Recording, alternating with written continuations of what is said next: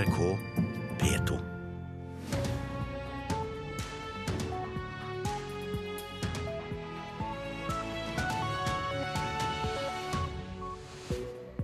Riktig god morgen. Klokka er 6.30, og i dagens utgave av Nyhetsmorgen skal vi høre at Nav må svare for seg i Stortingets kontroll- og konstitusjonskomité i dag.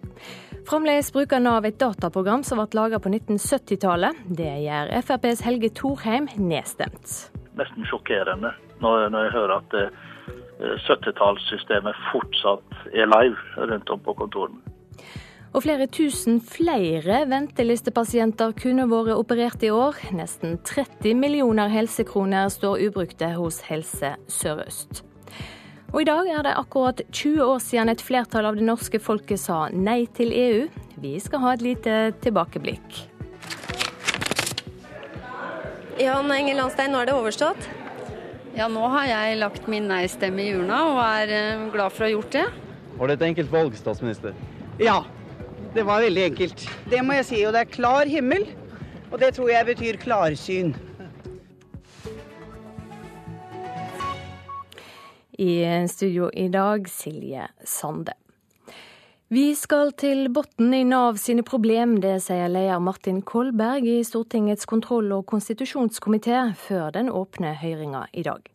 Medlemmer i komiteen spør i dag hvorfor Nav ikke klarer å lage IKT-system. Nav brukte over 700 millioner kroner på ei elektronisk plattform som ble skrinlagd.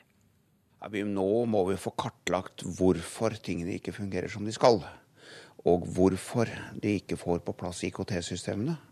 Og disse tingene henger sammen, og det er mange brukere som lider under dette, og det kan ikke Stortinget lenger sitte og se på. Nav gir foreldre, pensjonister, trygdede og sykmeldte inntekter og bistand ved hjelp av over 300 datasystemer, også ett fra 70-tallet. Riksrevisjonen jobber for Stortinget, og liksom tidligere år fikk Nav sterk kritikk i høst. En grunn er at Nav brukte over 700 millioner kroner på ett og et halvt års IKT-arbeid, for så å stoppe det. Flere ting fungerer også, men det er for mange ting som fortsatt ikke fungerer etter nesten ti år. Og nå må Stortinget til bunns i dette, og det er min intensjon. Sier leder Martin Kolberg i Stortingets kontroll- og konstitusjonskomité. Han leder utspørringene i dag. Men fra samme plass i Stortinget 18 år tilbake åpnet Petter Thomassen fra Høyre høring om det nye informasjonssystemet Tress90 i Trygdeetaten, Navs forløper. Det ble også skrinlagt, til en pris av 600 millioner kroner. Dette bekrefter vel at uh, i Rikstrygdeverket er det saker og ting som uh, det ikke er ordentlig styring og kontroll med. Datatrøbbel i Nav er langt fra en nyhet. Men på to tiår har det vært en sterk vekst i antall saker og transaksjoner i Nav. Kontantstøtte, alderstrygd, uførepensjon, foreldrepenger, sosialstønad, trygd i mangel av arbeid eller barnetrygd og hjelpemidler. Hver eneste borger møter Nav mange ganger i livet. Da må det store datasystemer til, og ingen kan påstå det er enkelt. Men det får ikke hjelpe, sier Miljøpartiets mann i kontroll- og konstitusjonskomiteen, Rasmus Hansson andre etater, f.eks. skatteetaten, som har svære og komplekse IT-tjenester, de får det altså til. Infotrygd heter et av IT-systemene i Nav. Det ble laget på 1970-tallet og gjør Fremskrittspartiets Helge Thorheim nedstemt. Nesten sjokkerende når, når jeg hører at 70-tallssystemet fortsatt er live rundt om på kontorene. Fremskrittspartiets mann i kontroll- og konstitusjonskomiteen på Stortinget har innkalt statsråder, Nav-ansatte, eksperter og kontrollører for å få fakta på bordet om Nav i dag. Så med den bredden så forventer jeg å få et enda hva skal jeg si, bedre forståelse hvorfor ting har ja, på en måte havarert. Reporter Hedvig Bjørgum. Flere tusen flere pasienter kunne vært opererte i år, men må i stedet vente på operasjon helt uten grunn. Helse Sør-Øst har nesten 30 millioner kroner til å operere ventelistepasienter på private klinikker, men sykehuset har latt være å videresende pasientene til private. Det forteller administrerende direktør i Aleris helse, Grete Aasved. Nei, mange av pasientene har stått månedsvis i kø når de kommer hit nå. Helse Sør-Øst har i år 32 millioner kroner ekstra til pasienter som venter på operasjon. Avtalen går ut på at sykehusene ved behov kan bestille operasjon for ventelistepasienter ved sju private klinikker på Østlandet, blant dem Aleris helse. Men sykehusene har ikke visst om avtalene før i september, sier Aasve. Dette ble da tema i høst, da vi hadde møte med Helse Sør-Øst. Og de innså vel at det var relativt lite informasjon som hadde gått ut til sykehusene, og ba oss selv ta kontakt med de sykehusene som hadde lange ventelister. Det har vi gjort, og vi har fått en fantastisk respons.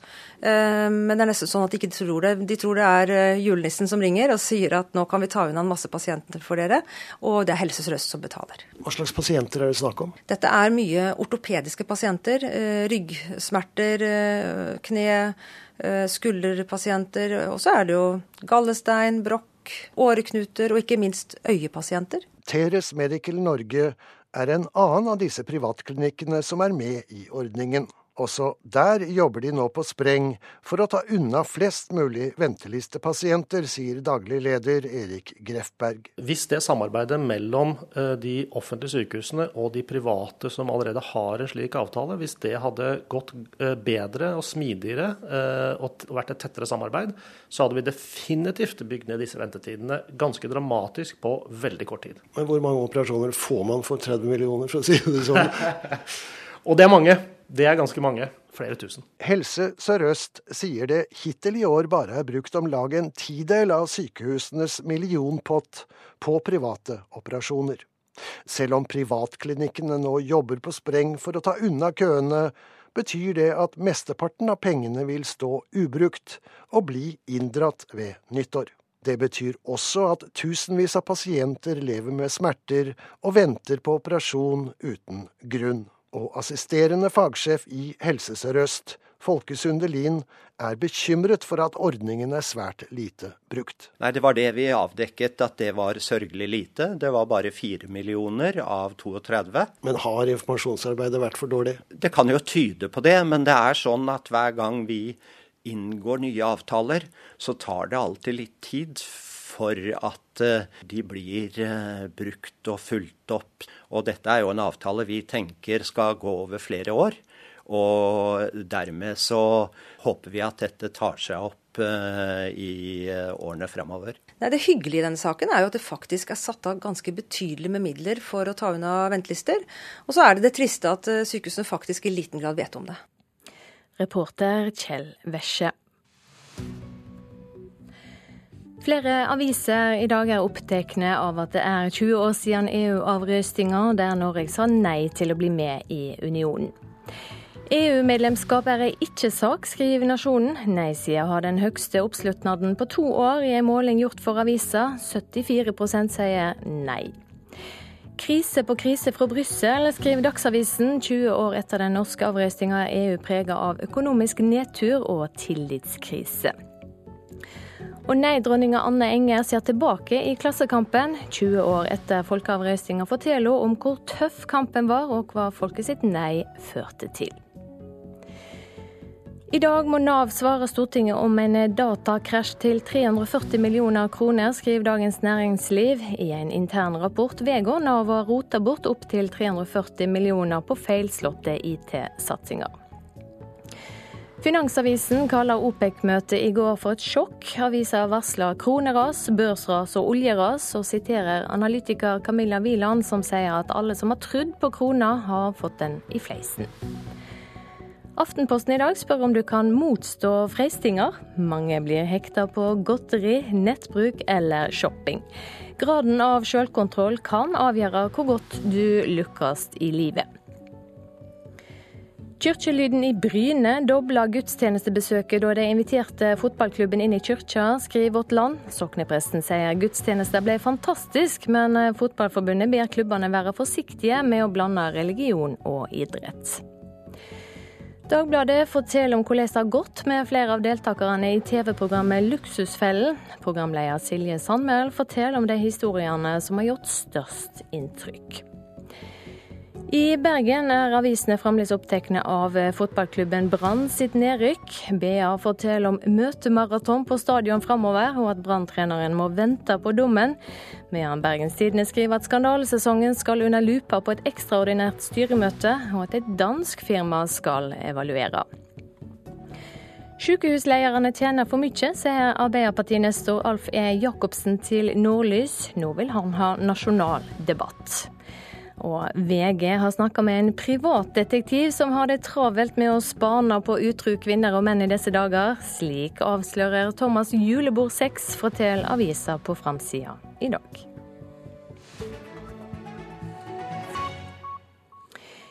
I dag er det altså 20 år siden det norske folket røsta nei til medlemskap i EU.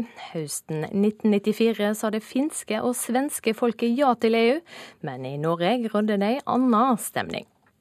Så her er det en folkemengde uten like. Det er ei uke igjen til folkerøstinga, og nestlederen i Nei til EU, Helen Bjørnøy, ser at rundt 25 000 nei-folk fra hele landet fyller Youngstorget i Oslo i et ufyselig kaldt regnvær. Vi vil si et klart og tydelig nei til medlemskap. Samtidig er handelsminister Grete Knutsen på svenskegrensa for å be folk stemme ja.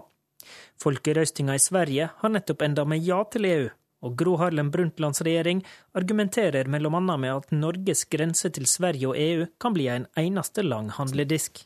Vi vil altså nå da flytte denne handledisken. Vi vil ha fellesskap med Sverige. Vi vil ha fellesskap med resten av Norden i Europa. Så nå tar vi og flytter denne vekk. Nei-rørsla på Youngstorget kjenner likevel vinden i ryggen. At det er folket mot eliten. For vi sier nei alle sammen i Norge, og det må ikke bli sånn som det var i Sverige. Men så skjer det noe. Den siste veka nærmer ja-sida seg sakte i meningsmålingene. Og når valgdagen gryr 28.11, har VG en meningsmåling som viser knapt ja-flertall. Andre viser helt dødt løp. Det kan altså ikke bli mer spennende når folk går til urnene. Jan Engel Landstein, nå er det overstått? Ja, nå har jeg lagt min nei-stemme i urna og er eh, glad for å ha gjort det. Var det et enkelt valg, statsminister? Ja, det var veldig enkelt. Det må jeg si. Og det er klar himmel. Og det tror jeg betyr klarsyn.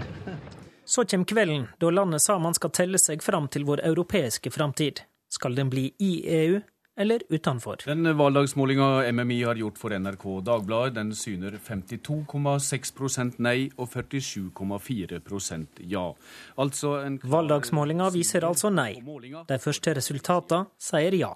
Det er så uavklart at partilederdebatten som var planlagt til klokka 23.30, blir utsatt flere ganger. Ti over halv tolv mener nestoren innen norsk valgforsking, Henry Valen, at det ikke er tvil lenger. Ja, og. Tyder det at du nå kan slå fast at uh, nei-sida har vunnet?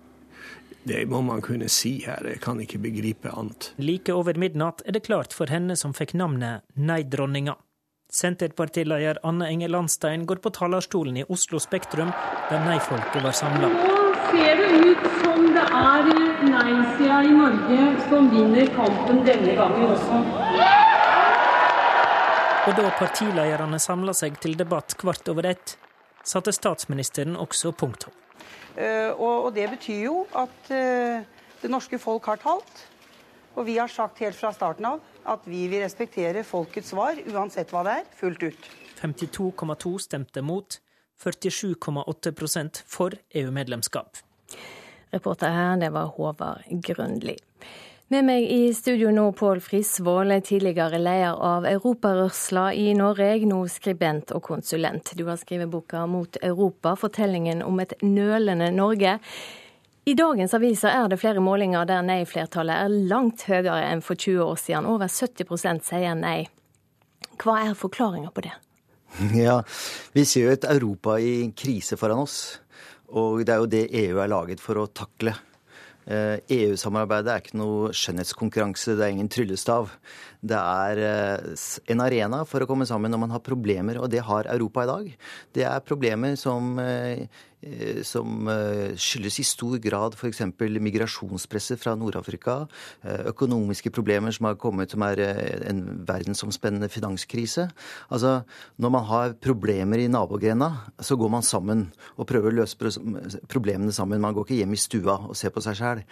Og det er klart at den forståelsen over hvilken rolle og funksjon EU-samarbeidet har for Europa, den mangler vi i stor grad i Norge. Fordi at vi lever i en sånn i en isolert del når det kommer til hvordan EU fungerer. Men du vil ha en ny EU-avrøsting. Hva er poenget med det når så mange sier nei? Ja, altså Så mange sier nei fordi at vi ikke har et valg. Altså Vi har et stortingsvalg hvert fjerde år for at politiske partier skal få lov til å presentere seg og fortelle folket hva de står for. Eh, det har vi ikke, Slik anledning har vi ikke i Norge. Vi har ikke hatt det på 20 år. Jeg er ikke redd for en kamp. Eh, slik at når du ser det EU som eh, vi stemte på forrige gang, Altså, det var jo noe helt annet. Vi hørte her Grete Knutsen snakket om en handledisk. I går så hørte vi norske ambassadør som prøver å holde oversikt over hva som skjer. Vi er et del av et rettssystem hvor våre myndigheter ikke har oversikt. Altså, dette har jo utviklet seg og blitt noe helt annet enn det vi trodde det var. Det fortjener det norske folk å forholde seg til. Du skriver i boka di at det var et under at så mange røsta ja til EU i 1994. Hva mener du med det? Ja, ja, altså... Det var et under fordi at eh, vi satt der og så på en form for powerpoint-presentasjon. Altså fri flyt av kapital og tjenester. Altså det høres jo ut som det kommer fra Das Kapital av Karl Marx. ikke sant? Det er veldig fremmedgjørende. Uh, ingen kunne vite hva EUs indre marked ville utvikle seg til. Uh, en annen ting er utvidelsen mot øst. Det var jo helt fjernt. Men uh, også hva EØS ville være. Vi ble da informert av regjeringen i et informasjonshefte som for meg i dag, som statsvider og, og, ganske god kjennskap til EU, er veldig vanskelig å forstå hvis jeg skal trekke ut og prøve å forstå hva, hva, hva man prøver å få frem på forskjell mellom EØS og medlemskap. Det var en veldig dårlig informasjon, og folket ble rett og slett rundlurt. Ja, Var det for lite informasjon og mye følelser? For det første så lite informasjon, absolutt. Ehm, Utenriksdepartementet og regjeringene har opp etter krigen, som jeg legger frem i boken min, eh, en, eh, en form for svært edruelig fremstilling av den utviklingen som eh, europeisk og, og, og den nordiske integrasjonsprosessen har stått for. Vi har en tendens til å legge oss opp til veldig mange fakta som kan snu og vende på å diskutere, men få har gjort det klart at her er det store omveltninger og et fantastisk eh, omfattende eh, europeisk prosjekt som vi skal være del av. Vi ser det i dag. I dag så legger EU frem energiunionen, og så sitter eh, regjeringen og Stortinget og sier ja, hva er nå det for noe, og vi får se om de blir enige der nede, og så får vi ta stilling til det etterpå. Sånn har vi holdt på i 60 år. Hva bør ja-sida gjøre annerledes dersom det skulle bli en ny eh, valgkamp om EU? Ja, eh, veldig mye. Mye som vi ikke gjorde forrige gang. Altså, Forrige gang så eh, måtte ja-siden vente på å komme i gang med kampanjen til forhandlingsresultatet forelå. Eh, det, er, det er viktig å ha et godt forhandlingsgrunnlag, men det er jo ikke det som får folk til å forstå essensen med et stort samarbeid. Og så var den NHO-ledet, altså dette, denne disken, at det skulle handle om noe kommersielt. Det er ikke noe, Dette har jo mindre med NHO i dag enn å ha med Kirkens Nødhjelp eller Redd Barna. Eh, slik at eh, vi må ha en eh, Vi må ha krefter i samfunnet som vi må mobilisere, som ikke bare har med handel å gjøre. Det tror jeg er veldig viktig. Takk skal du ha for at du kom i studio, Pål Frisvold. Og det blir mer om EU-kampen i 94 i Politisk kvarter i dag, programleder Håvard Grønli. Ja, vi har med oss to som kjempa i hver sin leir den gangen på 90-tallet. Senterpartiets Per Olaf Lundteigen og Høyre-politiker Kristin Clemet mimra om hvor intenst det hele var. Og vi spør hvorfor det gikk som det gikk, og hvor EU-saka står i dag. Politisk kvarter 7.45. Du hører på Nyhetsmorgen. Klokka er 6.49 straks, og dette er hovedsaker i nyhetene i dag. Nav sine dataproblem skal opp i Stortingets kontroll- og konstitusjonskomité i dag. Politikerne spør hvorfor det er så vanskelig å lage gode IKT-system. flere tusen flere ventelistepasienter kunne vært opererte i år. Nesten 30 millioner helsekroner står ubrukte hos Helse Sør-Øst. Og likestillinga kommer aldri til å gjelde jula. Det mener forbrukerøkonom. Sport nå. Landslagssjef i langrenn Vidar Løfshus uroer seg ikke for forma til det norske herrelaget før verdenscupåpninga i finske Kosamo i helga. Resultatene til de nest beste i sesongåpninga på Beitostølen forrige helg var ikke overtydende. For om det kanskje var noen av de gutta på elitelaget som hang litt bak der, så er ikke jeg redd for at de ikke skal prestere utover i sesongen, og kanskje allerede enda bedre i helga. Martin Jonsrud Sundby vant både 15 km friteknikk og 15 km klassisk på Beitostølen forrige helg, mens løpere som Sjur Røthe og Simen Østensen var nummer 13 og dårligere i de to rennene. I morgen starter alvoret med verdenscupåpning i Kosamo, og landslagssjefen håper de nest beste løperne får en god start. Det er klart det er jo viktig å være med framme her, og det handler jo om sjøltillit og at vi, at vi, er med fra, fra første slag. så det det er absolutt viktig. Det er ikke sikkert at vi står aller øverst på seierspallen når eh, vi reiser herfra på søndag. Sier NRKs langrennsekspert Carl Henning Gran, som mener den eneste lille usikkerheten før verdenscupen i Kosamo er formen til de nest beste herreløperne. Og Så får vi se om det er noen som uh, trenger norske gutter som trenger å løfte seg et par hakk, hvis de skal klare å hamle opp med russerne Dario Colonia, et par av svenskene, Johan Olsson, Kalle Halvarsson, rapporteres å være i bra form. Og så har vi jo da fjorårskometen fra Finland, Ivo Niskanen. Forventer at det kanskje dukker duk opp en seier i løpet av helga. Så er jeg jo spent i forhold til hva utlendingene hvilke krefter de har i bein og armer og i forhold til å måle mål, mål seg mot dem. Så det blir en spennende helg. Reporter Geir Elle. Og du kan høre verdenscupåpninga på NRK Sport på DAB pluss fra klokka tolv i morgen. Sportsjournalistene i Bergen frykter for jobbene sine dersom Brann blir lenge i førstedivisjon. Og de vil ikke gi de kvinnelige toppserieklubbene mer dekning, sjøl om herrelaget Brann rykker ned på onsdag. Nummeret du har ringt er ikke i bruk. The number you have dialed is not in use. Sånn høres det altså ut når jeg ringer Bergens Tidenes sportsredaktør. Hei, Bergens Tidende. Har dere sportsredaktør fremdeles? Forresten, vi kan komme tilbake til Norges største regionavis og spørsmålet om de har lagt ned noe, litt senere. For når du går rundt i Bergen dagen derpå, så ser folk helt vanlige ut. Men når du pirker i dem, begynner de å gråte. Skal hjem med en avis som ikke er så koselig, men eh, det går da hei på et førstedivisjonslag òg, gjør ikke det?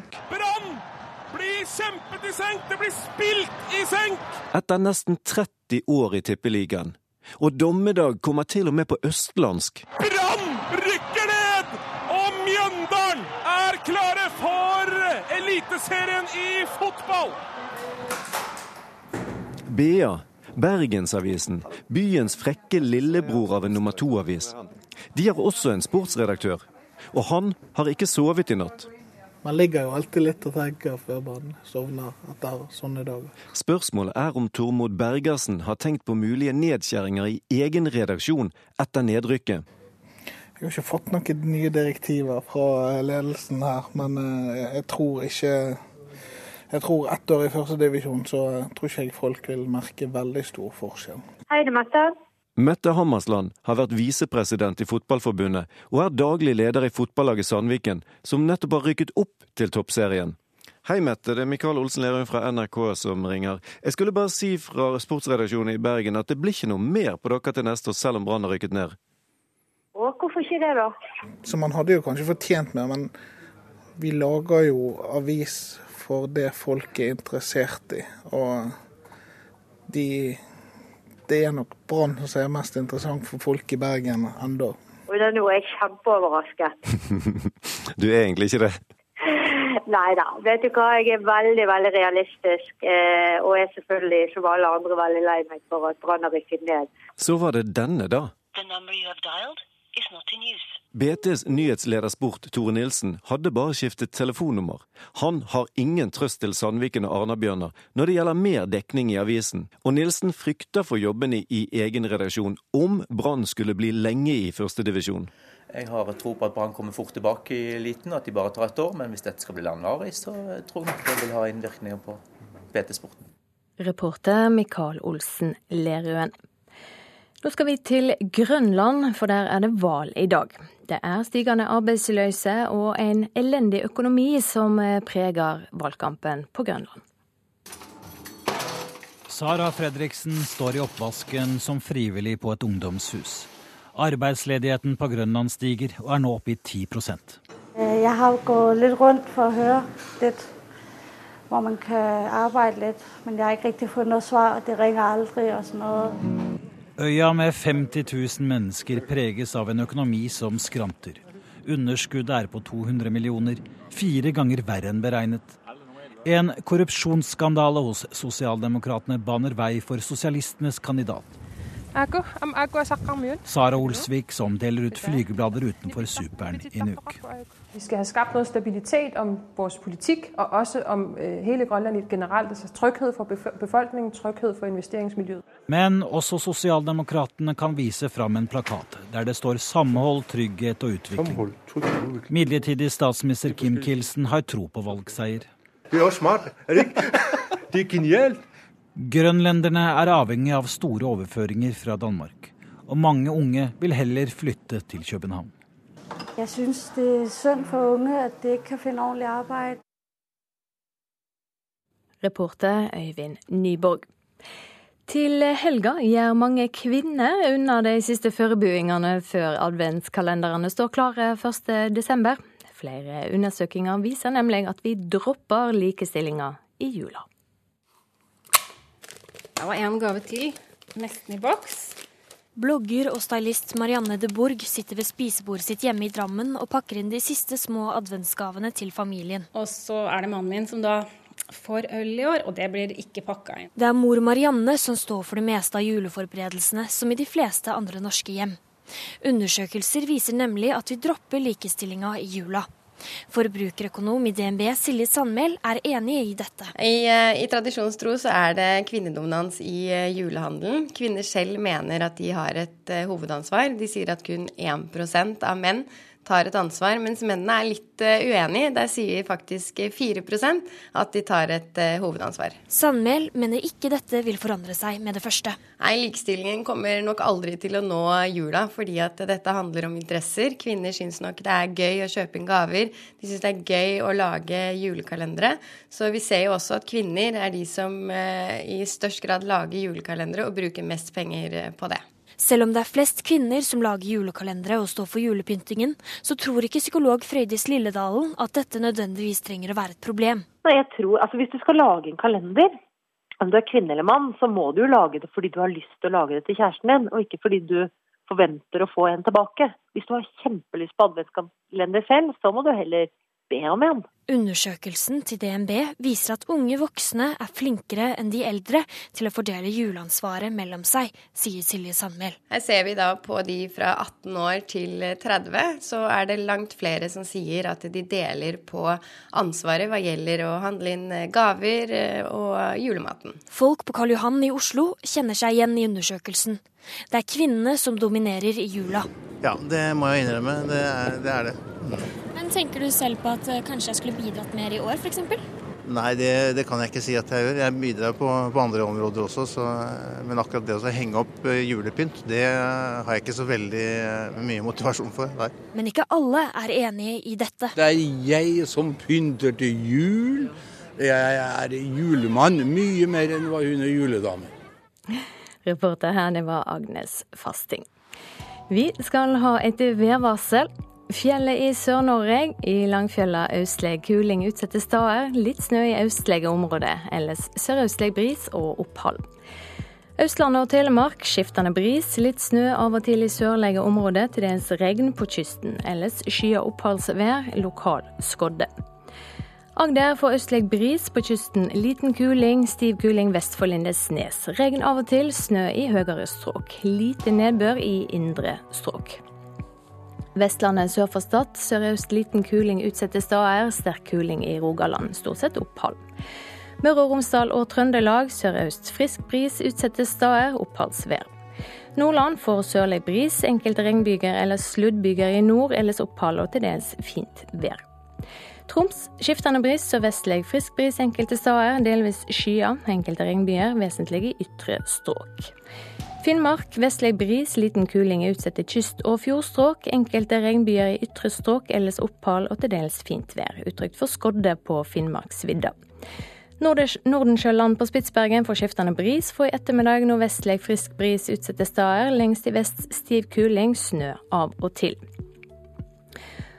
Og det er venta uendra temperaturer østafjells og i fjellet i Sør-Norge. Nordland og Troms får eh, også uendra temperatur. I resten av landet blir det litt kaldere. NRK P2.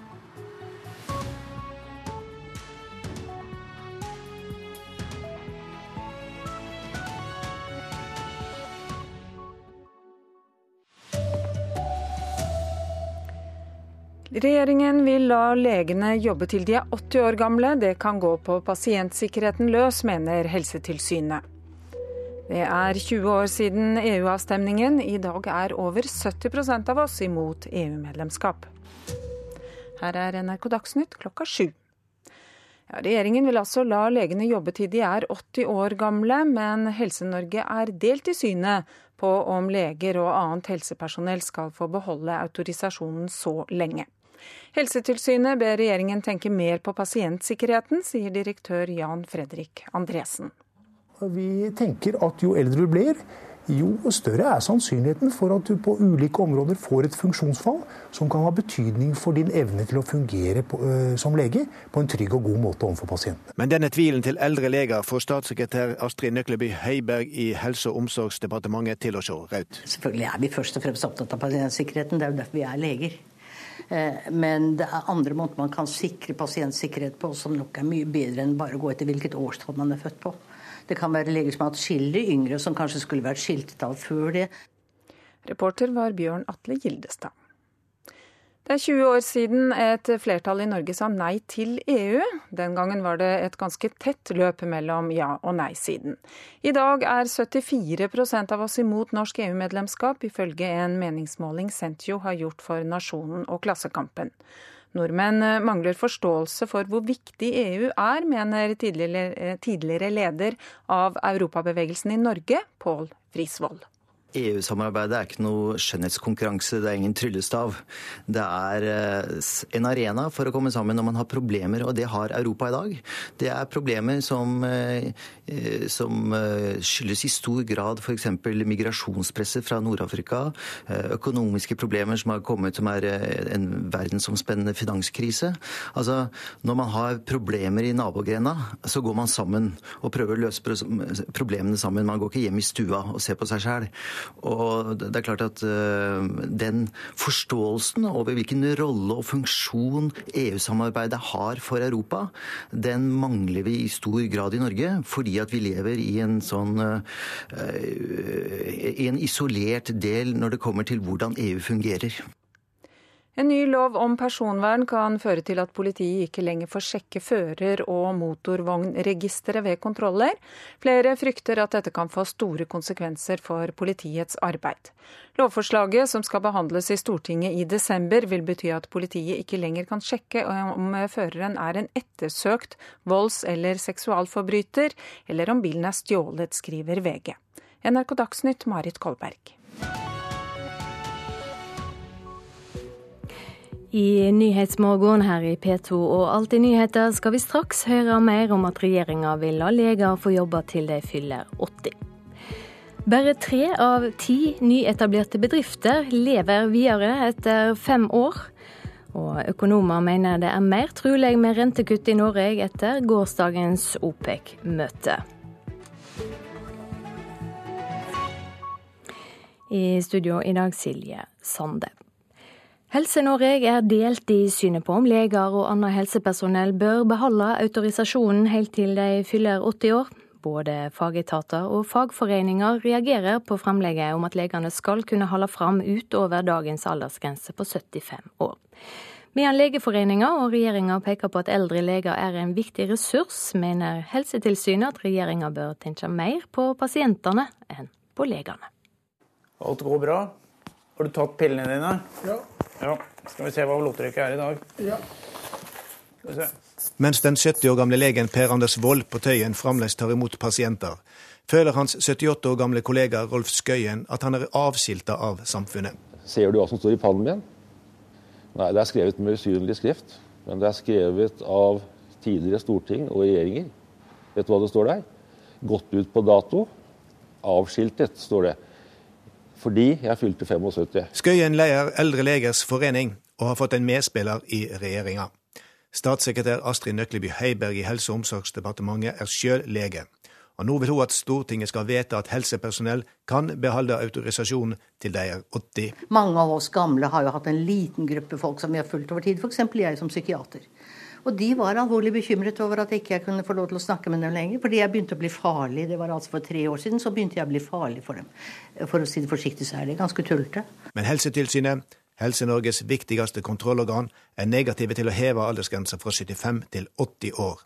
Regjeringa burde sett nøyere på pasienttryggleiken, sier direktør i Helsetilsynet Jan Fredrik Andresen. Vi tenker at jo eldre du blir, jo større er sannsynligheten for at du på ulike områder får et funksjonsfall som kan ha betydning for din evne til å fungere på, øh, som lege på en trygg og god måte overfor pasientene. Men Skøyen avviser at eldre leger er større fare for pasienttryggleiken enn yngre leger. Men det er aldri dokumentert at eldre leger er en større fare for pasientsikkerheten enn yngre, uerfarne leger. Han får ikke 100% støtte av kollega Per Anders Wold i Oslo. Jeg vet ikke sikkert det. Jeg er litt i tvil om han greier å følge helt med på alt nytt.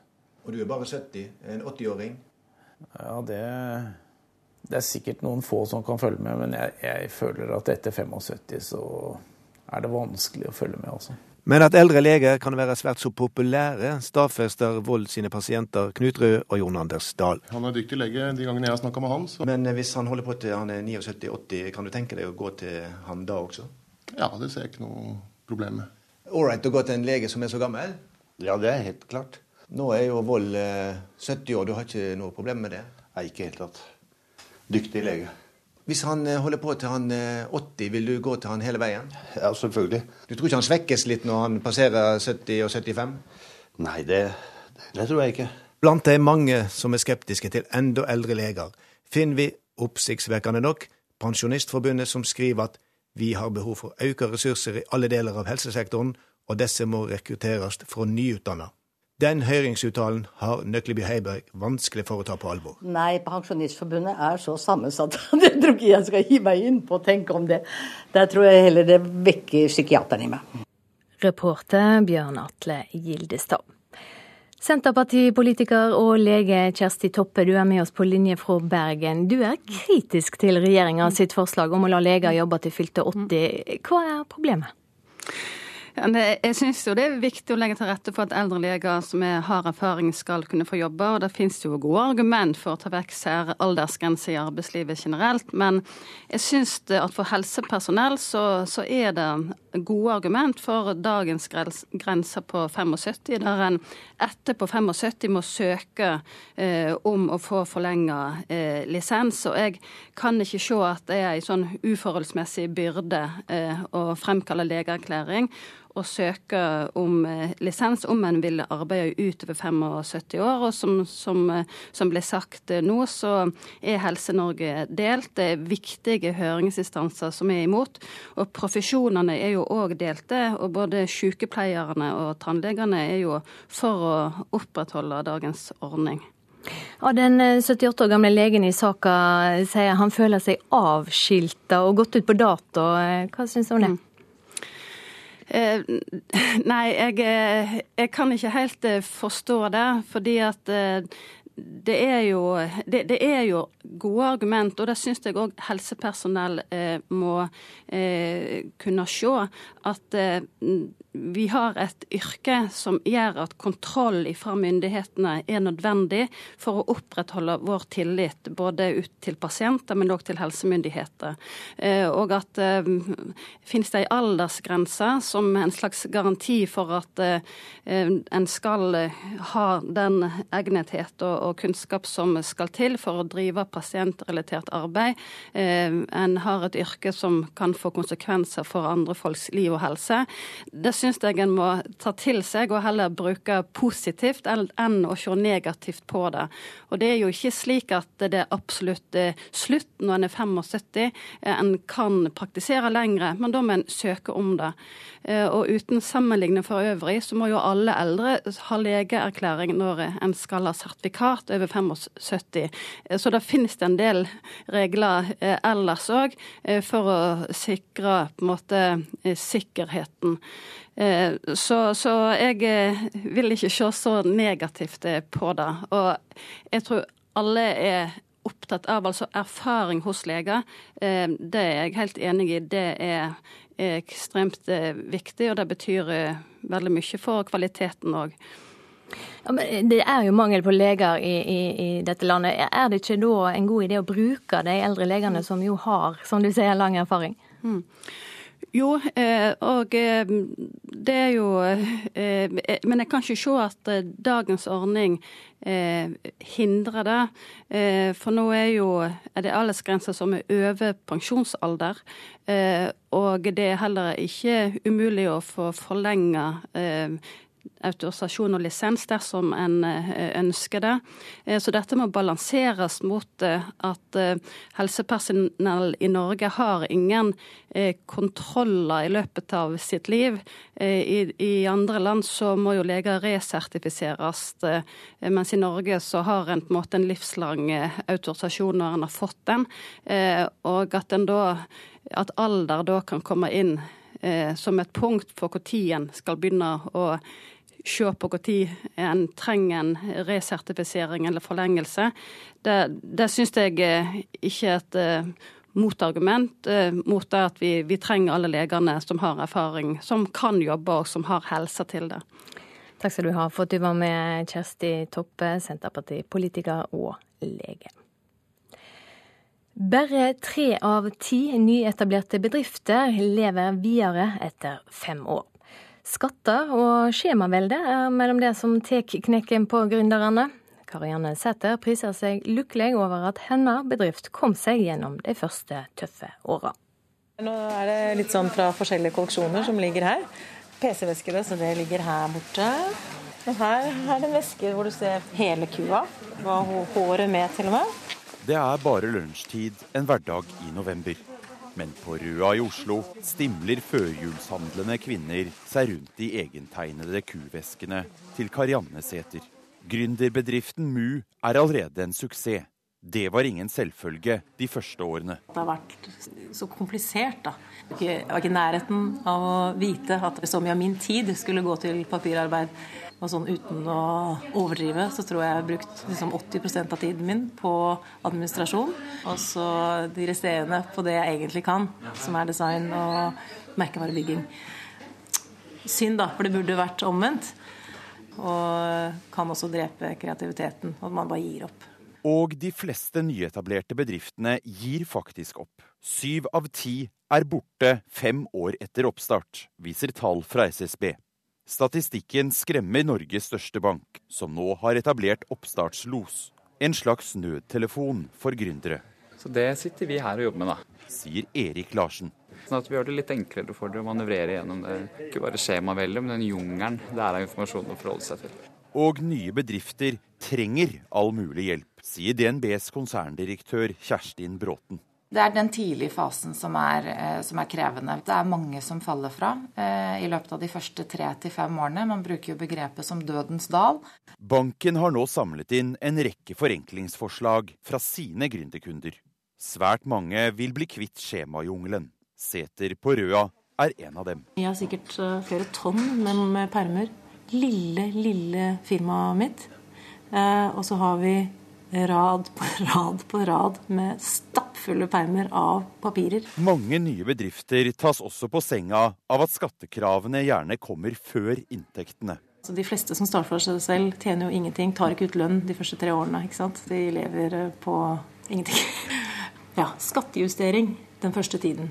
Jeg tror flere bedrifter hadde overlevd. De siste årene har det ikke manglet på tverrpolitiske vyer om å forenkle nye bedrifters kår. Og spør du statssekretær Lars Jakob Hiem, vil bl.a. papirbunkene bli mindre fremover. Vi har en eh, sterk ambisjon om at vi skal redusere skjemaveldet med 25 i løpet av den perioden som vi, eh, vi, har ansvaret for. Vi har allerede gjort en del ting. Vi har eh, fjernet kravet med at du skal ha originalbilag på reiseregninger f.eks. Og vi har mange flere på trappene. Neste uke kommer det såkalte Scheel-utvalget med sine skatteråd til regjeringen. Eventuelle nye grep for å hjelpe gründerne med skatteregningen kan komme deretter. Og jeg vil jo tro at eh, et sånt spørsmål vil være en naturlig del av den debatten som kommer i oppfølgingen av det såkalte Scheel-utvalget. Reporter Sindre Heierdal. Katinka Greve Leiner, direktør i Ferd sosiale entreprenører, velkommen eh, til Nyhetsmorgen. Vi hørte at å starte en ny bedrift der som å vandre gjennom dødens dal. Hva er det vanskeligste? Det er nok mye som er utfordrende og vanskelig når man starter opp. Eh, noe av det vanskeligste er antagelig rett og slett å prioritere i alle de sakene du gjerne vil gjøre. Og samtidig som vi hørte her på reportasjen, alt det du må gjøre. Så, så er nok det en av de kanskje største bøyene når du starter opp. Hvordan er det å være gründer? Må du ha mer eh, engasjement og pågangsmot enn de fleste andre av oss? Ja, Det vil jeg nok si. De vi ser lykkes, de har en stå-på-evne utover normalen. Og har også en veldig tydelig evne til å se for seg hvordan de skal nå målene sine. De er ofte ganske gode på å sette seg mål. Eh, og så pleier jeg å si at de er jo nesten villige til å gå gjennom vegger for å nå dit. De av dem som faktisk da lykkes. Så, så det er mye hardt arbeid, ja. Hva er det som skiller de som lykkes og de som ikke gjør det? Det er ikke helt entydig, eh, men eh, som sagt, noe av det å være tydelig på hvilket mål du skal nå, klare å prioritere mellom alt du har lyst til å oppnå, det er nok avgjørende. Og så viser det seg også at de som klarer å se for seg løsningen på et vis, de som raskt ser hvilken vei de bør gå for å nå det målet sitt, der er det nok en forskjell. Og eh, så har jeg vel også erfart det at en viss fleksibilitet For én ting er liksom å låse deg på mål. En annen ting er at du klarer også å være fleksibel, både på det du har planer om å utvikle, en tjeneste eller et eller annet produkt, og lytte til markedet ditt. Og så klare å tilpasse deg og være tilpasningsdyktig underveis. Eh, og i tillegg vil jeg si at de som lykkes best, de har også en fantastisk evne til å dra med seg folk. Både dyktige mennesker rundt seg, men også selvfølgelig å overbevise kunder, potensielle kunder om å kjøpe det de har laget. Vil du se at gründerkulturen i Norge har endra seg det siste året? Absolutt. Jeg begynte å jobbe inn mot dette for en 15 års tid siden. Og i løpet av de årene så har det skjedd mye. Ehm, vi så vel først at det beveget seg blant de unge.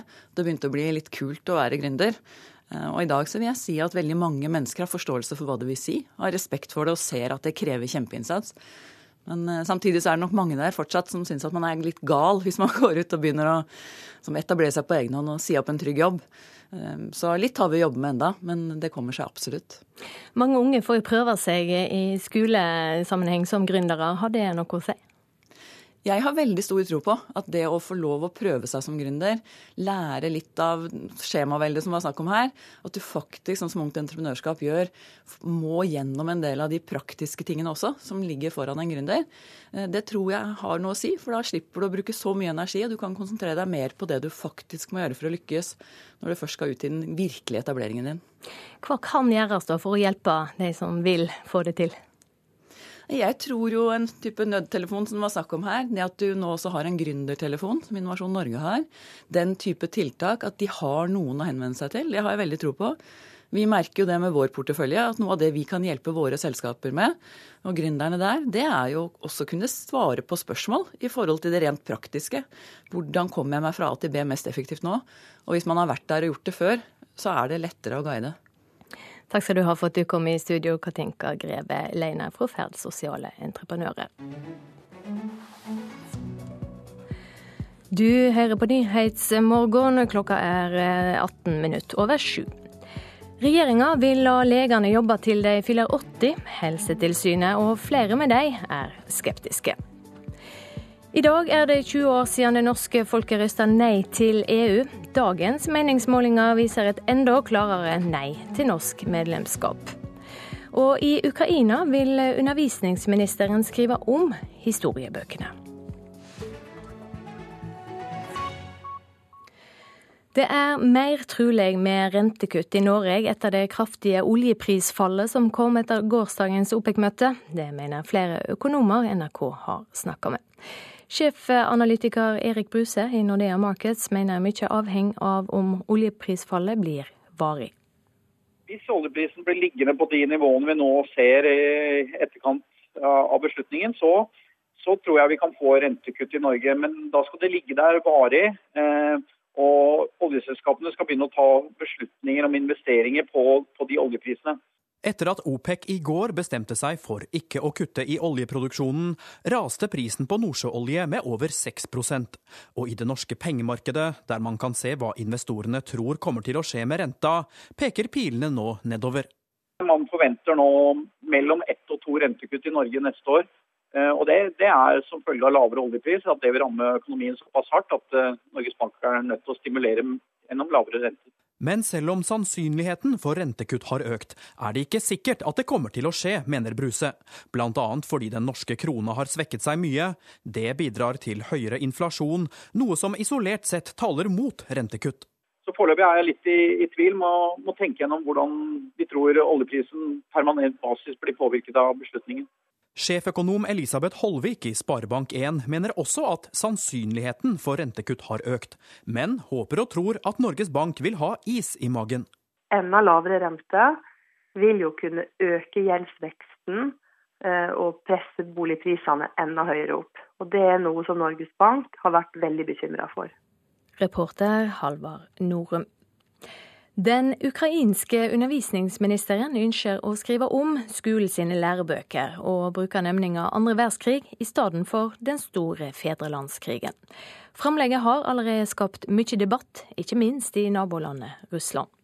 For mange av innbyggerne i det tidligere Sovjetunionen er begrepet 'den store fedrelandskrigen' fra 1941 til 1945 nærmest hellig etter at arrangementer rundt hendelsene under krigen på 1990-tallet ble tonet noe ned, er det nå, ikke minst i Russland, hvert år store markeringer. Mens resten av verden stort sett bruker begrepet annen verdenskrig om hendelsene fra 1939 til 1945, så starter altså det som betegnes som den store fedrelandskrigen, med det tyske angrepet på Sovjetunionen 22.6.1941. Men for folk i det som i dag er Ukraina, begynte krigen allerede i 1939, da Tyskland først gikk til angrep på Polen, og så Sovjetunionen 17.9. gikk over den polske grensen fra øst. Den ukrainske undervisningsministeren Sergej Kvit, som selv er fra byen Uzjkorod, som i løpet av sju år fra 1938 hørte inn under tre forskjellige land, mener det for ukrainere ikke finnes noen stor fedrelandskrig. Vi var offer for en oppdeling fra to totalitære systemer, sier han til det ukrainske nyhetsbyrået RBK, og viser til at det var Tysklands Adolf Hitler og Sovjetunionens Josef Stalin som delte opp Ukraina, og var ansvarlig for at millioner millioner av mennesker mistet livet. I dag er det den russiske presidenten Vladimir Putin som er en god avtaker til Stalin, mener undervisningsminister Sergej Kvitt, som altså sier det er på tide å kvitte seg med begrepet 'den store fedrelandskrigen' i ukrainske lærebøker. Det er ikke første gang denne diskusjonen om historien kommer opp. Også tidligere president og helt fra den oransje revolusjonen i 2004, Viktor Jusjenko, prøvde å forandre de ukrainske lærebøkene, bare for å oppleve at hans etterfølger Viktor Janukovitsj stoppet dette arbeidet. Nå i august brukte den nye ukrainske presidenten Petro Porosjenko også uttrykket 'den store fedrelandskrigen', men nå om Ukrainas kamp mot de russiskstøttede separatistene øst i landet. Også i Russland har det vært tilløp til debatt rundt begrepet 'den store fedrelandskrigen', i og med at foruten angrepet på Polen i september 1939, så utkjempet Den røde armé en blodig krig mot Finland vinteren 1939-1940. Det er denne krigen vi i dag kjenner som vinterkrigen. Men selv om mer enn 120 000 sovjetiske soldater mistet livet i vinterkrigen, så har aldri denne krigen vært en del av den sovjetiske krigsmyten. Morten Jentoft. Moskva. I Darfur vest i Sudan er 15 mennesker drepne av militsmenn riende på kameler. Darfur har vært herja av uro og konflikter i over ti år. Etniske grupper har gjort opprør mot regjeringa, som har sleget tilbake ved hjelp av væpna riende militser. En britisk storbank er sikta for å medvirke til skattejuks i Argentina. Banken skal ha hjulpet rike kunder med å gjemme bort store beløp i sveitsiske banker. Og pave Frans innleder i dag et tredagers besøk i Tyrkia. Han skal møte landets president og holde store messer i friluft. Paven skal besøke muslimske hellige steder, og han vil bygge bru mellom religionene. Flere aviser er opptatt av at det i dag er 20 år siden EU-avrøstinga der Norge sa nei til å bli med i unionen. EU-medlemskap er ei ikke-sak, skriver Nasjonen. Nei-sida har den høgste oppslutnaden på to år i ei måling gjort for avisa. 74% sier nå nei til norsk EU-medlemskap. Krise på krise fra Brussel, skriver Dagsavisen. 20 år etter den norske avrøstinga er EU prega av økonomisk nedtur og tillitskrise.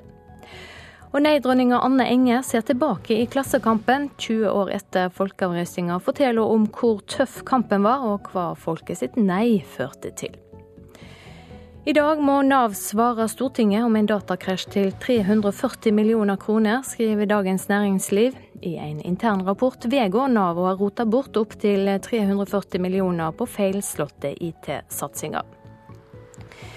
Finansavisen kaller OPEC-møtet i går et sjokk. Avisa varsler kroneras, børsras og oljeras, og siterer analytiker Camilla Wieland, som sier at alle som har trodd på krona, har fått den i fleisen.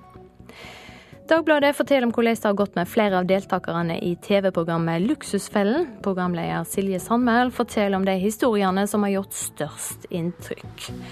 Og VG har snakka med en privatdetektiv som har det travelt med å spane på utru kvinner og menn i disse dager. Slik avslører Thomas Julebord 6, forteller avisa på framsida si i dag.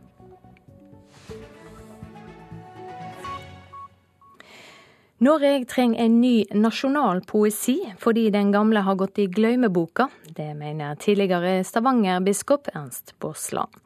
Båsland håper noen tar ansvar for å skape nasjonalpoesi for nye generasjoner. Nasjonalpoesien har forandret Norge. I over 100 år var det den som styrte dette at vi skulle få en fri nasjon, og være en fri nasjon og være et eget land. Og så skrives det ikke nasjonalpoesi lenger. Sier tidligere biskop i Stavanger Ernst Båsland. Sønner av Norge, det eldgamle rike i den nye boka 'Norge er større enn vi tror' skriver Baasland at dagens nordmenn er den første generasjonen siden 1814 som har nedprioritert nasjonalsangene. Den utviklingen vil han snu, og han har sitt syn på hva nasjonalpoesi er. All den poesien som dreier seg om landet, hva vi står for som nasjon, hva som er viktig med det å være norsk. Hvorfor er naturen så viktig? Hvorfor er symbolene våre viktige? Hva er kristentroens plass i alt dette her? Det interesserte meg. Baasland søkte avskjed som biskop i 2008 etter at han gikk personlig konkurs pga. sønnens spillegjeld. I dag er han pensjonist, til dels bosatt i Berlin, men med blikket rettet mot Norge.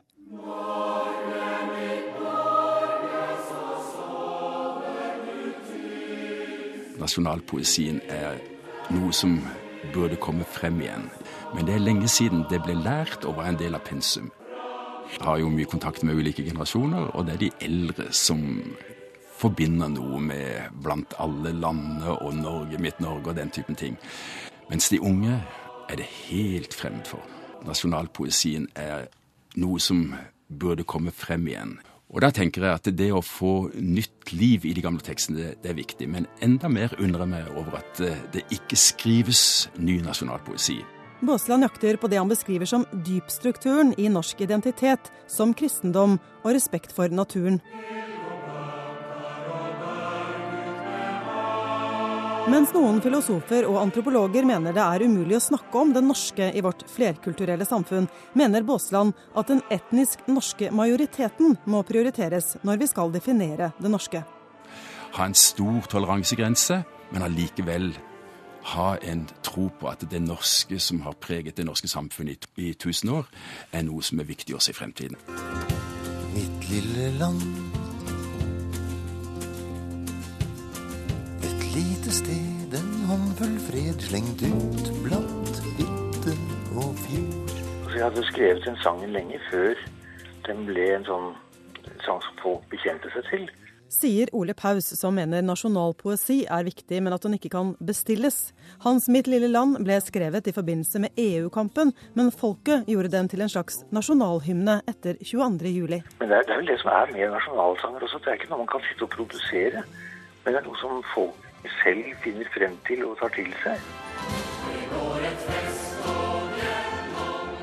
Stortinget bestilte en ny sang til feiringen av grunnlovsjubileet, som fikk blandet mottagelse.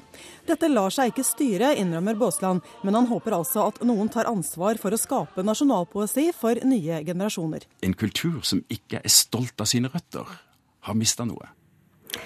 Ja, det sa tidligere Stavanger-biskop Ernst Baasland til reporter Anette Johansen Espeland. Nå blir det straks Dagsnytt. I reportasjen etterpå skal det handle om juntaen i Thailand som har stramma grepet om journalister og menneskerettsforkjempere. Produsent for Nyhetsmorgen i dag er Ingvild Ryssdal. Her i studio Silje Sande.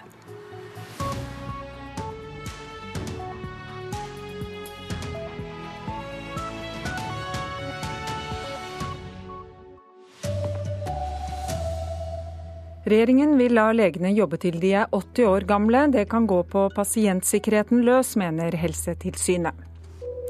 Sju av ti norske gründere gir opp. Skatter og skjemavelde er blant det som tar knekken på dem. Kvinner pakker adventskalenderen, vasker gulv og henger opp vårt tøy. I jula dropper vi likestillingen. Ja, god morgen, her er NRK Dagsnytt. Klokka er blitt 7.30. Helsetilsynet går imot regjeringens forslag om å la leger jobbe helt til de blir 80 år gamle. Det viser høringsuttalelsene til forslaget om at legene skal kunne fortsette utover dagens aldersgrense, som er på 75 år. Tilsynet ber regjeringen tenke mer på pasientene enn på legene. Alt går bra. Har du tatt pillene dine? Ja. Mens den 70 år gamle legen Per Anders Wold på Tøyen fremdeles tar imot pasienter, føler hans 78 år gamle kollega Rolf Skøyen at han er avskilta av samfunnet. Ser du hva som står i pannen min? Nei, det er skrevet med usynlig skrift. Men det er skrevet av tidligere storting og regjeringer. Gått ut på dato, står det. Fordi jeg fylte 75. Skøyen leier Eldre legers forening og har fått en medspiller i regjeringa. Statssekretær Astrid Nøkleby Heiberg i Helse- og omsorgsdepartementet er sjøl lege. Og nå vil hun at Stortinget skal vedta at helsepersonell kan beholde autorisasjonen til de er 80. Mange av oss gamle har jo hatt en liten gruppe folk som vi har fulgt over tid, f.eks. jeg som psykiater. Og de var alvorlig bekymret over at jeg ikke kunne få lov til å snakke med dem lenger. Fordi jeg begynte å bli farlig. Det var altså for tre år siden, så begynte jeg å bli farlig for dem. For å si det forsiktig, så er det ganske tullete. Men Helsetilsynet, Helse-Norges viktigste kontrollorgan, er negative til å heve aldersgrensa fra 75 til 80 år. Regjeringa burde sett nøyere på pasienttryggleiken, sier direktør i Helsetilsynet Jan Fredrik Andresen. Vi tenker at jo eldre du blir, jo større er sannsynligheten for at du på ulike områder får et funksjonsfall som kan ha betydning for din evne til å fungere på, øh, som lege på en trygg og god måte overfor pasientene. Men denne tvilen til eldre leger får den aldrende statssekretæren til å se rødt. Selvfølgelig er vi først og fremst opptatt av pasientsikkerheten. Det er jo derfor vi er leger. Men det er andre måter man kan sikre pasientsikkerhet på som nok er mye bedre enn bare å gå etter hvilket årstall man er født på. Det kan være leger som har hatt skilde yngre, som kanskje skulle vært skiltet av før det. Det var bra. Helt normalt blodtrykk. Da kan du feire jul. Reporter i denne saken var Bjørn Atle Gildestad. Og hvis alle leger får jobbe til de er 80, så kan det gå ut over sikkerheten til pasientene. Det sier også Kjersti Toppe. Hun er selv lege og sitter i helse- og omsorgskomiteen på Stortinget for Senterpartiet. Vi har et yrke som gjør at kontroll fra myndighetene er nødvendig for å opprettholde vår tillit både ut til pasienter, men også til helsemyndigheter. Og at eh, finnes det en aldersgrense som en slags garanti for at eh, en skal ha den egnethet og, og, kunnskap som skal til for å drive pasientrelatert arbeid. Eh, en har et yrke som kan få konsekvenser for andre folks liv og helse. Det syns jeg en må ta til seg og heller bruke positivt enn å se negativt på det. Og uten sammenligning for øvrig, så må jo alle eldre ha legeerklæring når en skal ha sertifikat over 75. Vi skal høre at bare tre av ti nyetablerte bedrifter lever etter fem år. Skatter og skjemavelde er blant det som tar knekken på gründerne. Karianne Sæther priser seg lykkelig over at hennes bedrift kom seg gjennom de tøffe årene. PC-veskene, så det ligger her borte. Og her er det en veske hvor du ser hele kua. Og håret med, til og med. Det er bare lunsjtid en hverdag i november. Men på Røa i Oslo stimler førjulshandlende kvinner seg rundt de egentegnede kuveskene til Karianne Sæther. Gründerbedriften Mu er allerede en suksess. Det var ingen selvfølge de første årene. Jeg har vært forbanna og vært uh, sånn overveldet over at det har vært så komplisert. Jeg var ikke i nærheten av å vite at så mye av min tid skulle gå til papirarbeid. Liksom 80% av tiden min på administrasjon, og så de resterende på det jeg egentlig kan, som er design og merkevarebygging. Synd, da, for det burde vært omvendt. Uh, så det sluker en, da, og kan også drepe kreativiteten. Og man bare gir opp. Og de fleste nyetablerte bedriftene gir faktisk opp. Syv av ti er borte fem år etter oppstart, viser tall fra SSB. Nye bedrifter trenger all mulig hjelp, sier DNBs konserndirektør Kjerstin Bråten. Det er mange som faller fra eh, i løpet av de første tre til fem årene. Man bruker jo begrepet som dødens dal. Banken har nå samlet inn en rekke forenklingsforslag fra sine gründerkunder. Svært mange vil bli kvitt skjemajungelen. Sæter på Røa er en av dem. Det er mye, mye, papir som skal fylles inn. Lille, lille firmaet mitt. tenker jeg, Er alt dette her for ett år? Det er sånn perm på perm. Reporter Sindre Heierdal. I dag skal Stortinget spørre og få svar om eh, blant andre, og stille spørsmålene til bl.a. Nav-ansatte om hvordan de kunne bruke 700 millioner kroner på en elektronisk plattform som ble skrotet. For vi skal til bunn i Navs problemer, sier leder Martin Kolberg i Stortingets kontroll- og konstitusjonskomité foran den åpne høringen i dag. Nå må vi få kartlagt hvorfor tingene ikke fungerer som de skal og hvorfor de ikke får på plass IKT-systemene.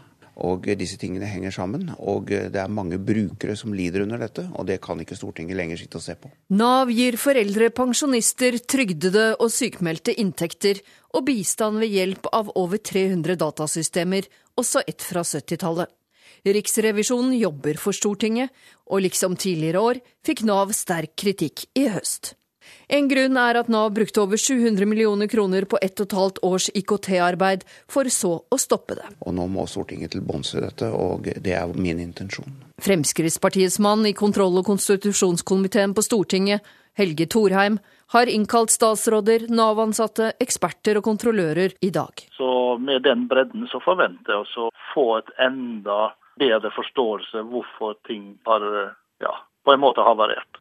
Det var Hedvig Bjørgum og Trond Lydersen som hadde laget denne saken. 20 år etter forrige avstemning om norsk medlemskap i EU er det i dag klart nei-flertall på to meningsmålinger. I en Infact-måling i VG sier 63% av dem som har bestemt seg nei til EU, og på Sentios måling for Klassekampen og Nasjonen er hele 74% mot medlemskap.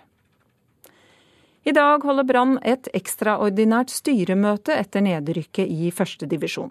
Evalueringen kan føre til at både trener Rikard Norling og daglig leder Roar Roald Brun Hansen mister jobben. Men kaptein Erlend Hanstveit vil ikke spå om hva klubben kommer fram til. Utfallet av noe sånt, det, det, det blir feil av meg å, å spekulere i. Brann-fansen var mildt sagt misfornøyd med trener Rikard Norling og daglig leder Roald Brun Hansen etter mageplasket mot Mjøndalen, som gjør at klubben spiller i førstedivisjon neste sesong. I dag holdes et styremøte i klubben. Det er starten på evalueringa som kan føre til at begge to mister jobben. Jeg regner med at etter en sånn sesong så, så tar alle avdelinger av, av klubben en ganske grundig og, og seriøs eh, evaluering. Reportere var Henrik Agledal og Anders Ekanger. Til helgen gjør eh, mange kvinner unna de siste forberedelsene før adventskalenderne står klare 1.12. Flere undersøkelser viser nemlig at vi dropper likestilling i jula. Det var en gave til, nesten i boks. Blogger og stylist Marianne de Borg sitter ved spisebordet sitt hjemme i Drammen og pakker inn de siste små adventsgavene til familien. Og så er det mannen min som da for øl i år, og det blir ikke pakka inn. Det er mor Marianne som står for det meste av juleforberedelsene, som i de fleste andre norske hjem. Undersøkelser viser nemlig at vi dropper likestillinga i jula. Forbrukerøkonom i DNB Silje Sandmæl er enig i dette. I, eh, I tradisjonstro så er det kvinnedominans i eh, julehandelen. Kvinner selv mener at de har et uh, hovedansvar. De sier at kun 1% av menn tar et ansvar, mens mennene er litt uh, uenige. Der sier faktisk 4% at de tar et uh, hovedansvar. Sandmæl mener ikke dette vil forandre seg med det første. Nei, likestillingen kommer nok aldri til å nå jula, fordi at dette handler om interesser. Kvinner syns nok det er gøy å kjøpe inn gaver. De syns det er gøy å lage julekalendere. Så vi ser jo også at kvinner er de som uh, i størst grad lager julekalendere og bruker mest penger på det. Folk på Karl Johan i Oslo kjenner seg igjen i undersøkelsen. Det er kvinnene som dominerer i jula. Ja, det må jeg innrømme. Det er det. Er det. Men tenker du selv på at eh, kanskje jeg skulle bidratt mer i år, f.eks.? Nei, det, det, kan jeg ikke si at jeg gjør. Jeg bidrar på, på andre områder også. Så, men akkurat det å henge opp eh, julepynt, det har jeg ikke så veldig eh, mye motivasjon for. Nei. Men ikke alle er enige i dette. Det er jeg som pynter til jul. Jeg er julemann mye mer enn hva hun er juledame. Reporter her var Agnes Fasting. NRK Dagsnytt, Marit Kolberg.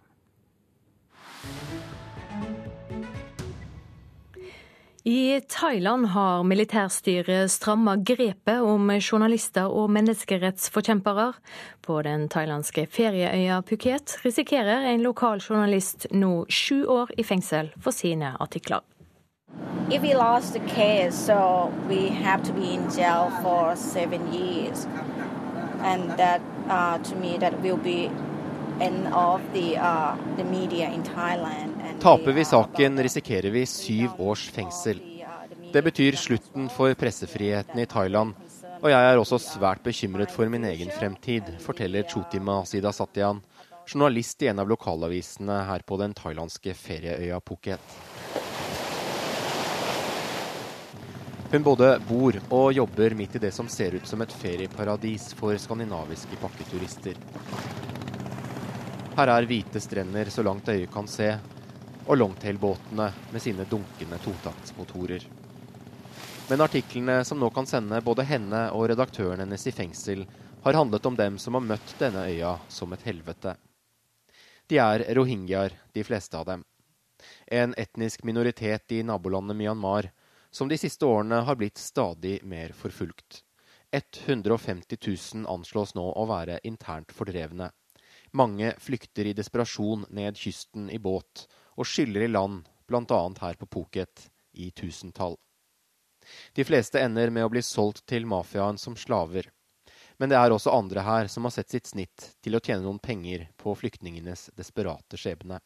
We've been quoting from the Reuters for 41 words that the uh, Thai officer been get involved with the uh, boat people human trafficking. Vi gjenga en nyhetsartikkel fra Reuters hvor det fremkom at hæren er delaktig i menneskehandelen. Resultatet ble en tiltale for injurier og for brudd på Thailands såkalte datasikkerhetslover, forteller Chotima.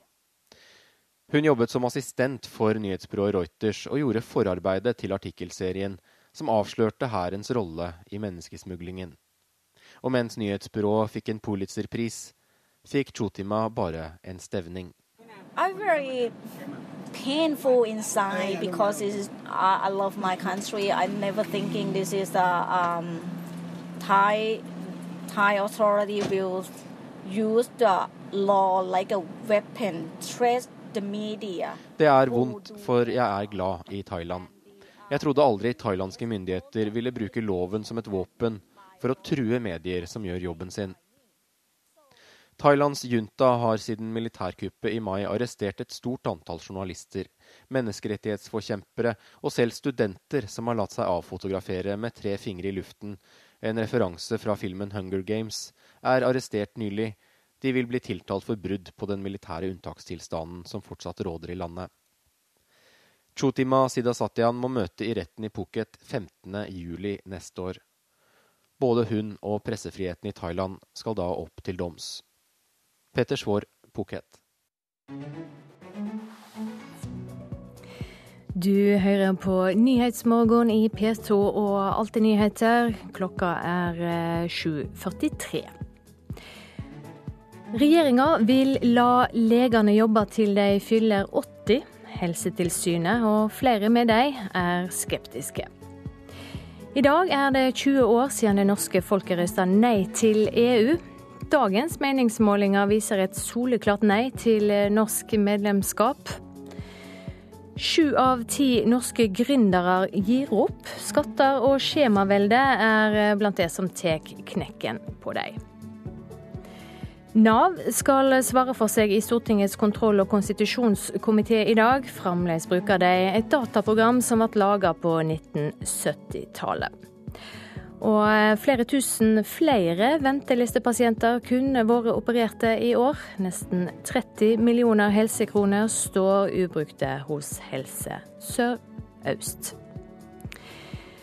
Om eh, ikke lenge er det tid for Politisk kvarter, og programleder der er Håvard Grønli.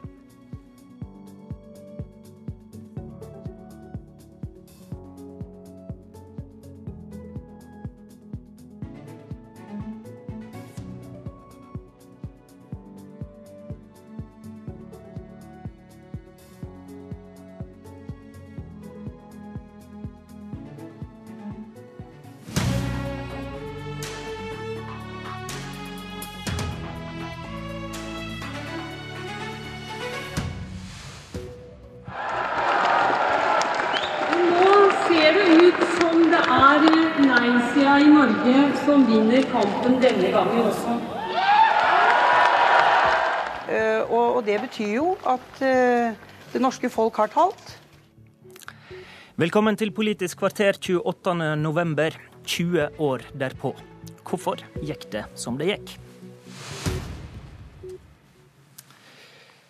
Hvordan husker du denne dagen, 28.11.1994, Per Olaf Lundteigen? Jeg husker egentlig veldig lite, for jeg var så sliten og jeg var så spent. Og jeg var i Buskerud. For den eh, vi opplevde da, det var eh, noe helt uvirkelig tøft. Hva er dine minner fra valgdagen, Kristin Clemet? Jeg var enormt spent. Så ble jeg enormt skuffet, men jeg hadde veldig stor tro på at saken skulle komme opp igjen før 2014. Men her sitter vi, Per Olaf Lundteigen, du var leder i Bonde- og småbrukerlaget i åra før 94, og var med på starten av det som ble Nei til EU.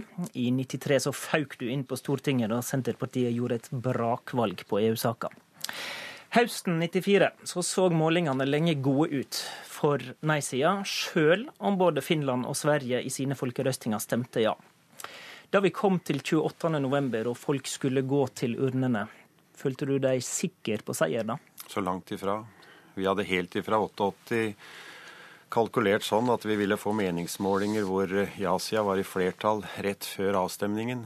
Vi visste hvor vanskelig det var. Det var en nervepirrende sak. Vi hadde satsa på engasjement gjennom kunnskap, og at folk skulle tenke sjøl. Og at det skulle være så sterk drivkraft at vi skulle vinne til slutt. Og det klarte vi jo. Det var utrolig enestående. Det gikk altså veien for ditt syn. Hva mener du i ettertid eh, var den viktigste forklaringsfaktoren som, eh, som avgjorde det til fordel for de side? Det var kunnskap, det var engasjementet. Det var at det blei så mange mennesker rundt omkring i bygd og by som forsto hva dette her var for noe. Og vi hadde en veldig klar analyse av hva det var. Vi sa folkestyre eller union. Vi sa folkestyre, miljø og internasjonal solidaritet. Og det er jo paroler som står like sterkt i dag som den gangen. Så vi sto på veldig veldig trygg faglig politisk grunn. Det var hele hemmeligheten, og starta veldig tidlig. Og vi hadde en utrolig ledelse med Kristen Nygaard i spissen. Han visste hva han gjorde. Han var systematikeren, han var agitatoren, han var et unikum. Kristin Clemet, leder i Civita, du var aktiv den gangen i det som ble kalla Ja-aksjonen. Eh, kan ikke du fortelle, når var det du skjønte at dette ikke kom til å gå? Jeg hadde en sterk mistanke etter avstemningen i Sverige. Fordi marginene der var så små. Og vi hadde jo en følelse av at det skulle være eh, litt størst stemning for eh, medlemskap i Finland, litt mindre stemning i Sverige og så enda litt mindre i Norge. Sånn var stemningen. Og da vi så at marginene var så små, hadde deltatt på valgvaken i forbindelse med det svenske valget, da vi gikk hjem da, så sa vi til hverandre Vi bare hvisket det. Vi måtte jo ikke si det høyt, vi måtte beholde optimismen. Men da var vi redde for at det ikke kom til å gå i Norge.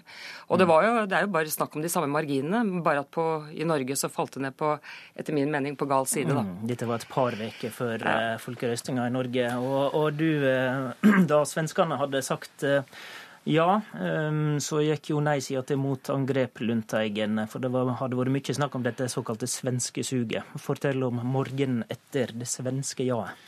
Ja, altså, først så var det jo sånn at eh, Gro Harlem Brundtland hun sa først skulle kvinnene komme, og så skulle Sverige, og så skulle Norge komme etter der. Så vi skulle da bare dette over ende. Jeg glemmer aldri jernbanestasjonen på Drammen klokka seks om morgenen den 15. november hvor det kom en kar med slips og spytta meg midt mellom øya. Hvor han sa det at all verden, åssen tør du å stå her og agitere mot medlemskap i Den europeiske union når svenskene har sagt ja? Det er et minne som har brent seg fast i sinnet mitt. Clemet, nå eh, fikk jo ja-sida i Norge 48% så helt uten overbevisningskraft var jo ikke ja-sida. Men det ble kanskje aldri noe massiv folkerørsle for, for EU?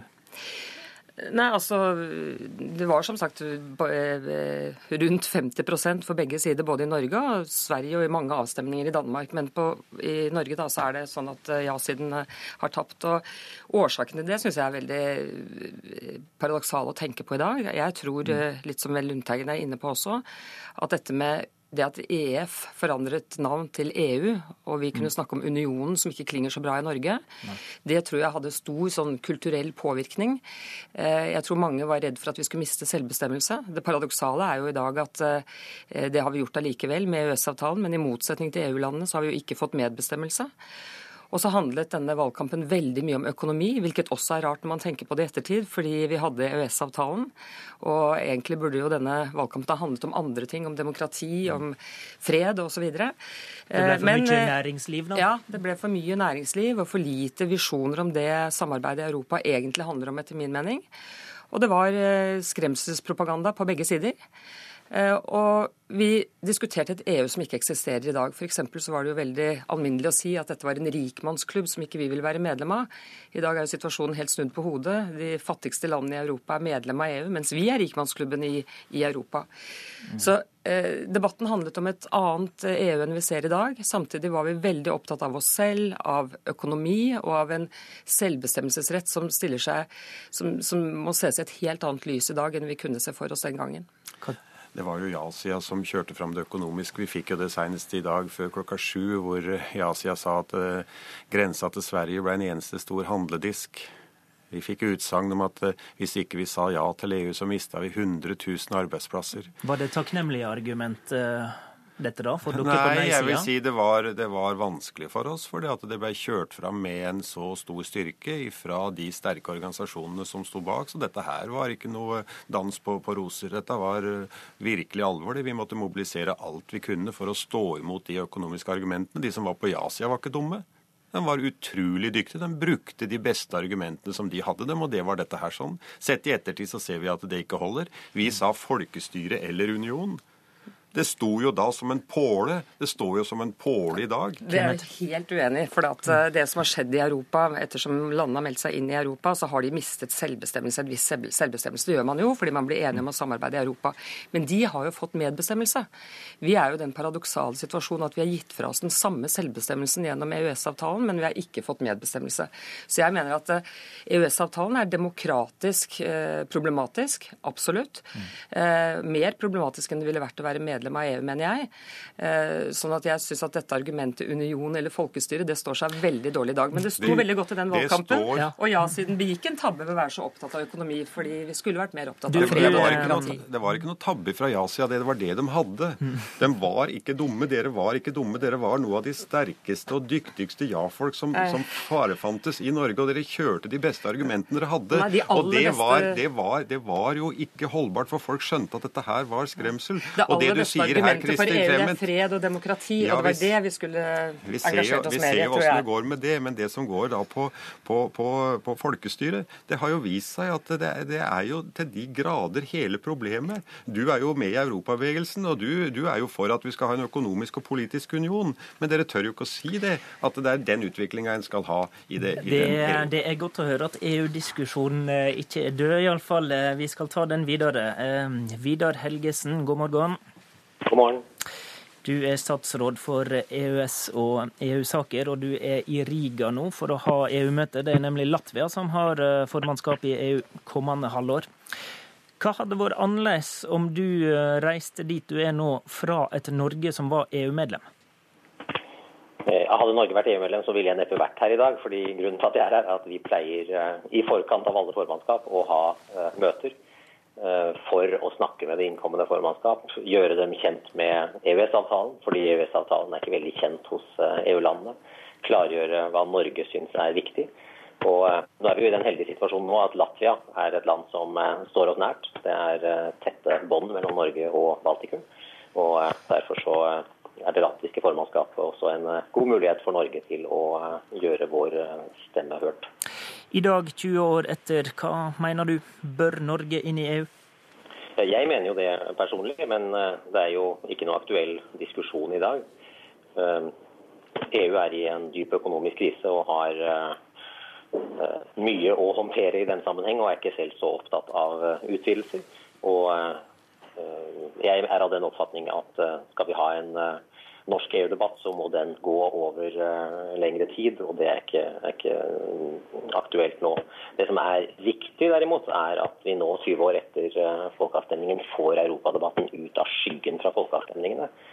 Vi må snakke ærlig om Norge og Europa. Det er mange nei-aktører som Lundteigen f.eks. som bekymrer seg for at Norge gjennomgår en enorm og gjennomgripende europeisering. De har helt rett i at Norge europeiseres mer og mer dag for dag. Jeg mener at det er en god ting, og at det er en viktig ting for Norge. Men Helgesen, da du, nylig, eh, da du nylig gjorde greie for Stortinget om EU og EØS-saker, så sa du at Norge under denne regjeringa skal være et foregangsland i videreutviklinga av den indre marknaden. Har en norsk regjering mandat fra det norske folket til å gå så langt, da?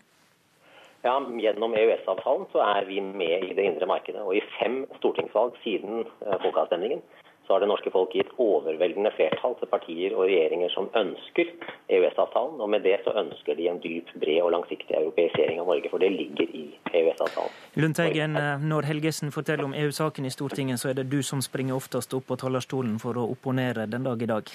Hva er det du reagerer på i regjeringas tilnærming til EU? det er at uh, regjeringa ikke tør å fortelle at uh, bakgrunnen for krisa i EU det er at det er en grunnleggende systemfeil.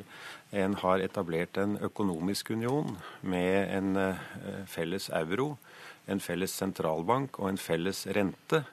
Og så har en ikke etablert en politisk union, hvor altså du har et folkevalgt organ som har den fulle makt til da å korrigere økonomien i de landene som men er med sånn, i unionen. Men sånn er det jo, det må jo Norge forholde seg til. Vi ja, men det som, det som, nå Helgesen sier, at han ønsker en ærlig debatt, og det er det som er så sterkt i Stortinget, at vi ikke kan få en diskusjon om hvorfor er det en slik krise i EU. For at det, i, i, Financial Times i USA og, og i Europa, europeiske medier så diskuterer han dette her på, en, på en, en sånn åpen og direkte måte. Altså Det Helgesen snakker om her, en europisering, Eh, ja, hvilke konsekvenser har det i arbeidslivet? Jo, det har de konsekvensene i arbeidslivet at stadig flere fører en usikkerhet i forhold til lønn og arbeidsvilkår framover. Det er en europeisering som jeg er rimelig sikker på at flertallet i norske folk ikke ønsker, og det blir viktigere og viktigere å diskutere framover. Hva sier du til det, Helgesen? Jeg syns kanskje Lundteigen først burde spørre reiselivsbedriftene i sitt eget hjemfylke Buskerud hvordan de ville klart seg uten europeiseringen av det norske arbeidsmarkedet. Norsk arbeidsliv, norske bedrifter, ikke minst i distriktene, tjener massivt på at vi er det landet av noen størrelse i Europa som har flest arbeidsinnvandrere fra EU. Det er en viktig og positiv europeisering av Norge. Eh, vi tjener også på at vi har samme regelverk, og at norske bedrifter derfor får samme konkurranseforhold som europeiske konkurrenter. Eh, Helgesen, jeg, Helgesen, jeg stiller gjerne opp i diskusjon i Buskerud eller hvor det er omkring de temaene du, der, og, som du tar opp, og da skal vi diskutere hvem er det som tjener på det. Hvem er det som tjener på den europeiseringa? Det er stadig flere grupper i Norge som ikke tjener på det, fordi at lønns- og arbeidsvilkårene deres blir vanskeligere. Det må snart ta inn over dere alle de gruppene vi har. Murere, malere, eh, sjåfører, de som driver i som er bosatt i Norge og som skal betale regninger ut fra norsk kostnadsnivå. De får mer og mer trøbbel fordi at det er et press nedover. Dette her er virkeligheten i Norge i dag, godeste Helgesen. Lundteigen, Nei, det mangler arbeidskraft i Norge, og det gjør at EU-innvandring til Norge bidrar til å opprettholde også norske arbeidsplasser. Ellers så ville verft på Vestlandet ha flagget ut.